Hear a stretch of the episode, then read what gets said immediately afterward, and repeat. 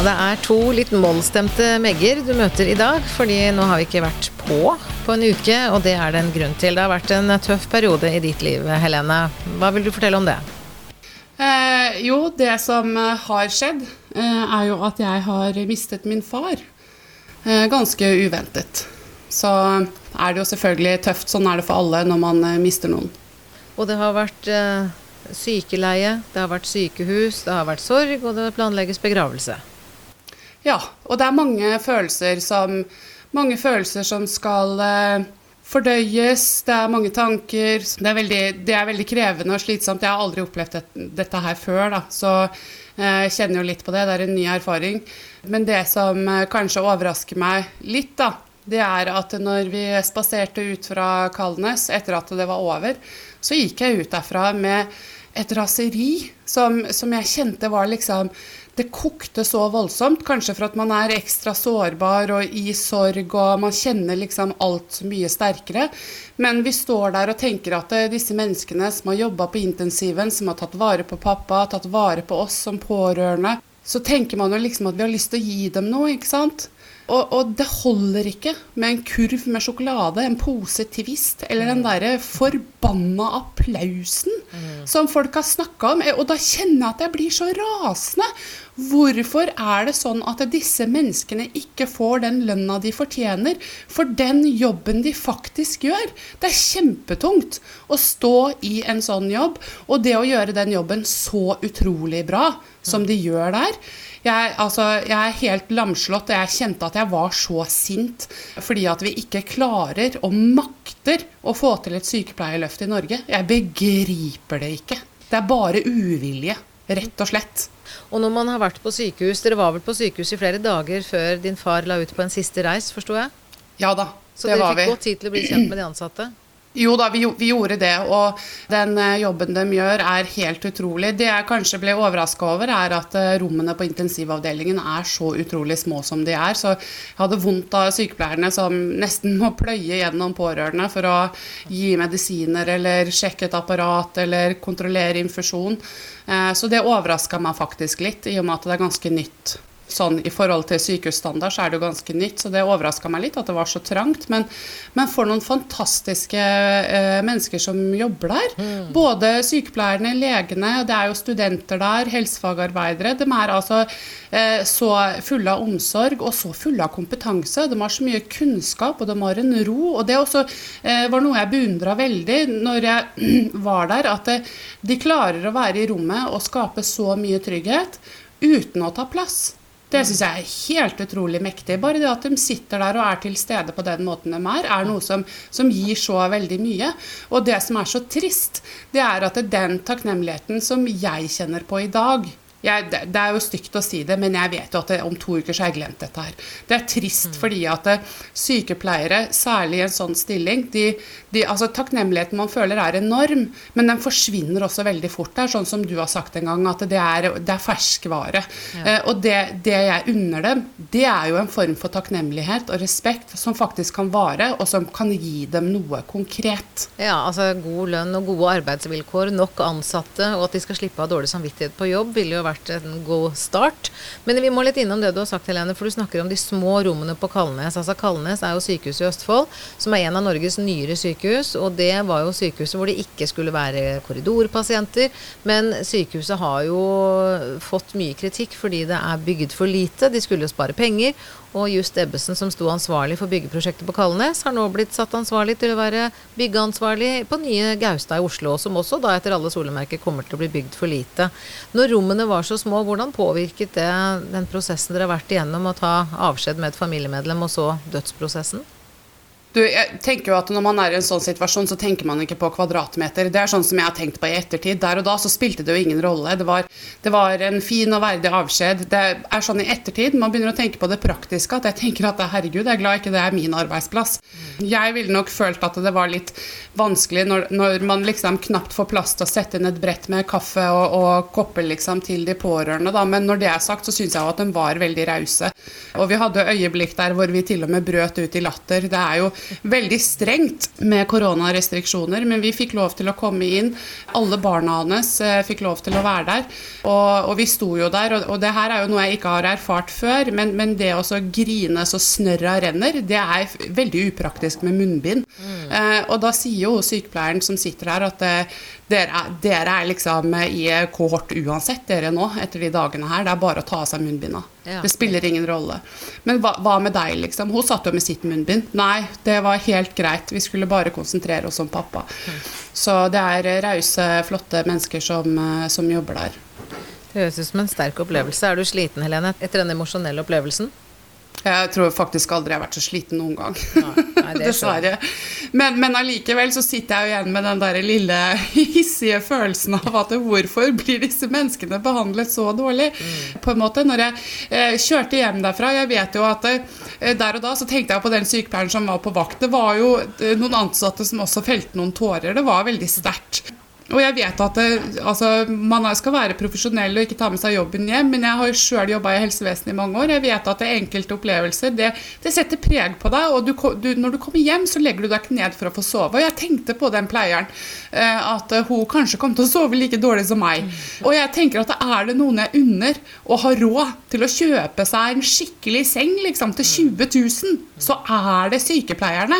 Er det noen jeg unner å kunne kjøre hjem i en bil som, som som funker og går og starter, og til og med har et varmeapparat som virker, ja, vet du hva, det er faen meg sykepleierne. Mm. Og er det noen jeg unner å kunne ta seg råd til å bestille sushi hjem for at ikke du orker å lage mat etter en kveldsvakt, ja, da er det søren meg dem da òg. Mm. Jeg syns det er for stusslig. Jeg syns at de burde ha en mye høyere eh, inntekt. De skal ha mye bedre lønn, fordi at den jobben de gjør, den krever veldig mye. Den må kreve mye også emosjonelt. Mm. Og det er en grunn til at det er mange sykepleiere som går fra sin lest etter bare ti år. Ja. Noen av dem. En av fem forlater sykepleieryrket etter ti år. Ja. Og vi satt jo og tenkte, altså vi snakka jo litt om det inne på rommet også, for pappa var også opptatt av sånne ting. Og, og jeg har jo en sønn på 21 år. Jeg syns han er verdt 100 millioner. Han er det smarteste, fineste mennesket jeg vet om, og det fins ikke nok lønn i verden for han. Ja, Det er jeg enig i, faktisk, Og sønnen din er helt spesiell. Han er helt spesiell, men, men, men han er 21 år, og med et fagbrev så tjener han i hvert fall 150 000 mer i året enn den sykepleieren som sitter og passer på min far på dødsleiet og har 20 års ansiennitet. Mm, og det syns jeg er veldig, veldig spesielt. Jeg syns ikke det er riktig. Og det er ikke fordi at jeg syns at sønnen min skal gå ned i lønn. Men, men for, for han fortjener lønna si, han. Ja, ja. Men han lager yoghurt ja, skjønner du? Det er verdifullt, men liv og helse er hakket viktigere. Så jeg skjønner heller ikke hva slags samfunn vi har skapt oss, hvor eh, de som redder liv og de som vokter liv og helse, har dårligere betalt enn folk som lager yoghurt. Eller som i mitt tilfelle, jeg lagde radio og hadde en millionlønn. Det, er jo helt på, det skulle jo vært snudd helt på huet. De som gjør viktige jobber, de skal ha høye lønninger. Vi som driver med fjas og mindre viktige ting, vi trenger faktisk ikke så mye penger. Det burde vært en eller annen slags rettferdighetsmålestokk, men det er en del ting som har gått litt av skaftet her i Norge. Ja, men det er jo fordi at alt skal telles i kroner og øre, det skal spares i hytt og gevær. Vi må for guds skyld ikke bruke penger noe sted. Men at vi ikke skal kunne klare oss å få til et ordentlig sykepleierløft altså Det har jo vært eh, varsla i årevis at vi kommer til å få en desperat mangel på sykepleiere. Mm. Vi kommer til å få en enda mer desperat mangel på spesialsykepleiere, som, som vi er avhengig av da, på en intensivavdeling. Eh, fordi at det å etterutdanne seg er jo Altså, hvorfor skal de gjøre det? De, for det første så tjener de ikke så veldig mye mer penger de pådrar seg gjeld i prosessen, og de klarer ikke å jobbe like mye. Det er ikke noe gulrot, det er en råtten kål. Signert Bent Høie, vær så god. Ja, og hans forgjenger må jeg få minne om, for det har ikke vært noen vilje til å investere i helse fra Arbeiderpartiet heller. Så dette har Arbeiderpartiet og Høyre-regjeringa vært helt på like fot med, og ikke minst har de med seg et byråkrati hvor det sitter en del ting i veggene, og det handler om at helse er en utgiftspost, så her kutter vi. Vi kutter og kutter og kutter. Det er helt feil tankegang. Vi må snu hele den tankegangen. Vi må investere i disse menneskene som nå har vært med og hjelpe dere gjennom noen av livets vanskeligste dager, Helene. Jeg kjenner at eh, som jeg sa, jeg er utrolig sliten, men, men eh, jeg tenker at eh, å, å, kjøre ned dit med en kurv med, med, sjokoladebiter, vet du hva, det gidder jeg ikke. Da skal jeg heller skrape sammen det jeg har av energi, for å heller prøve å lage litt bråk om, om hvordan forholdene er, hvor viktig det er at vi faktisk har dem, og hvor viktig det er at vi sørger for at vi får fler. fordi når man er i en så sårbar situasjon i livet, så er man helt, helt avhengig av at man er omringa av kompetanse, av omsorg, av trygghet og av tillit. Man kan ikke kjøpe alt for penger, men det, er, det, hjelper. Ja, det hjelper. Men du, det gir meg en idé. Skal vi ikke skrive en kronikk sammen om dette her, Helene? For nå har du en så sterk erfaring som bør deles med flest mulig. Vi er veldig glad for hver eneste en som lytter på vår podkast, og som kanskje til og med anbefaler den på Facebook-siden sin og skriver en omtale. Men la oss skrive en kronikk også, se om vi kan få den på trykk et sted. Ja, det kan vi godt gjøre. Det syns jeg er en god idé. Nå føler jeg at det her får bare være en hyllest eh, til de sykepleierne vi har, som gjør en så fantastisk god jobb. Og så må det være som en takk, ja. Og så må det være en liten pekefinger til de som eh, sitter på toppen her i landet, at det er en dag, kjære politikere, så skal dere sjøl ligge kanskje på en intensivavdeling. Og da kan det hende at dere blir nødt til å betale for de valgene dere har tatt i dag. Vi er helt helt avhengig av at vi klarer å rekruttere sykepleiere til yrket, og vi er avhengig av at vi også klarer å beholde dem. For det, det at de gir seg til ti år, det er jo en katastrofe. Ja. Da har de erfaring, ikke sant? de har kunnskap. Det er helt grusomt. Vi må, altså, klarer vi å få sykepleierne til å bli i yrket sitt, så får vi jo eh, altså, en arbeidsstokk som er verdt sin vekt i gull. Det er de allerede, altså. Men, mm. men det er jo ingenting som er så verdifullt som den erfaringen som de får. Men du, Det er interessant, for du er veldig opptatt av sykepleierne. Men opplevde du legestanden som like støttende? Jo, vet du hva? jeg opplever legestanden som like støttende. Og jeg syns at legene jeg møtte på intensiven, var fantastiske. Det må jeg si. Og, og jeg ble rørt av omsorgen deres også.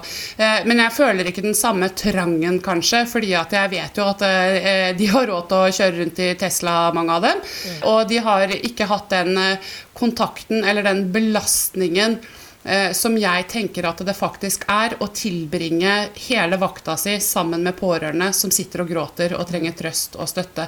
Legene er inne i kort tid. De snakker med pårørende i korte minutter. Eller så gjør de jo egentlig De gjør jo mye viktig rundt pasienten, men det er ikke legene som sitter inne med pasienten og pårørende i alle de timene hvor det er fryktelig tungt å sitte der. Nei, Men nå er på en måte din far, du skrev så vakkert på Facebook, han er lagt fra kai. En sjømann har lagt lagt ut på sin siste reis. Og nå er det altså begravelse. Og disse dagene mellom dødsfall og begravelse er jo en sånn rar vakuumperiode. Har du en plan for å overleve og ha hodet over vann? Ja, du vet at eh, planen min er å ikke ha en plan. Og så tenker jeg, jo nå, eh, nå har jo jeg heldigvis litt eh, helsefaglig bakgrunn, og jeg har gode søsken. Men for første gang i livet så skal jeg faktisk ta mine egne råd.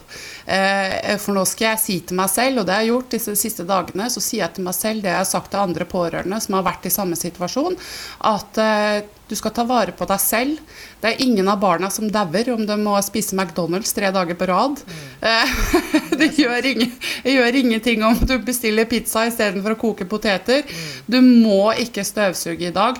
Oppvasken stikker ikke av. Det viktigste viktigste er å få hvile, søvn og rett og slett bruke tida på å bearbeide og snakke med de man kan snakke med om det. Snakke, altså bare bruke tiden på å gjøre det som føles riktig, mm. og ikke det som føles nødvendig. For, eh, for, livet, det stopper ikke opp, det går sin gang. Men innimellom så går det an å sette på pauseknappen og si at nå, nå skal jeg fokusere på meg selv og søsknene mine og resten av familien. Det høres ut som et klokt råd, Helene. Men eh, nå som dere er i sorg, mange syns det er så vanskelig å si kondolerer. Altså, blir de da lei seg hvis jeg sier kondolerer? Nå som du står i sorg, har du en, et klart svar på hva du ønsker når, eh, når du møter mennesker som kanskje har hørt at du har mista faren din? For meg personlig så, så syns jeg det er helt uh, i orden at noen uh, Og jeg har fått mange meldinger, og det er mange kondolanser, og, uh, og folk spør hvordan det går, og hvis de, telefonen ringer, så tar jeg telefonen, jeg.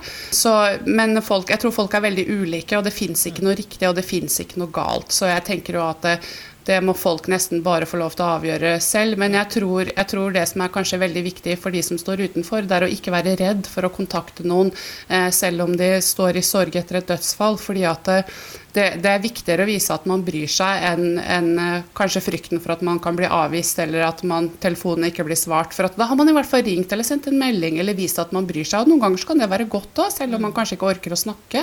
Vi er ulike alle sammen. Alle bearbeider ting på Det ser jeg med mine søsken også. Vi har alle vår unike måte å bearbeide det på. Men vi har hverandre, det er jo det viktigste. Og det er jeg glad for. Det er ikke alle som har det. Nei. Kjære Helene, tenker på deg. Kyss og klem. Jeg tror vi bare skal sette strek der. Altså, takk for at du orka å dele. Jo, det viktigste er at det her eh, får bli en eh, takk til eh, og en hyllest til alle intensivsykepleiere i, i Norge. Og jeg håper for guds skyld at de kan få noe annet enn 15 minutters takknemlighet og applaus. Jeg føler at det her må være året hvor vi gjør noe ordentlig for dem som takk for innsatsen.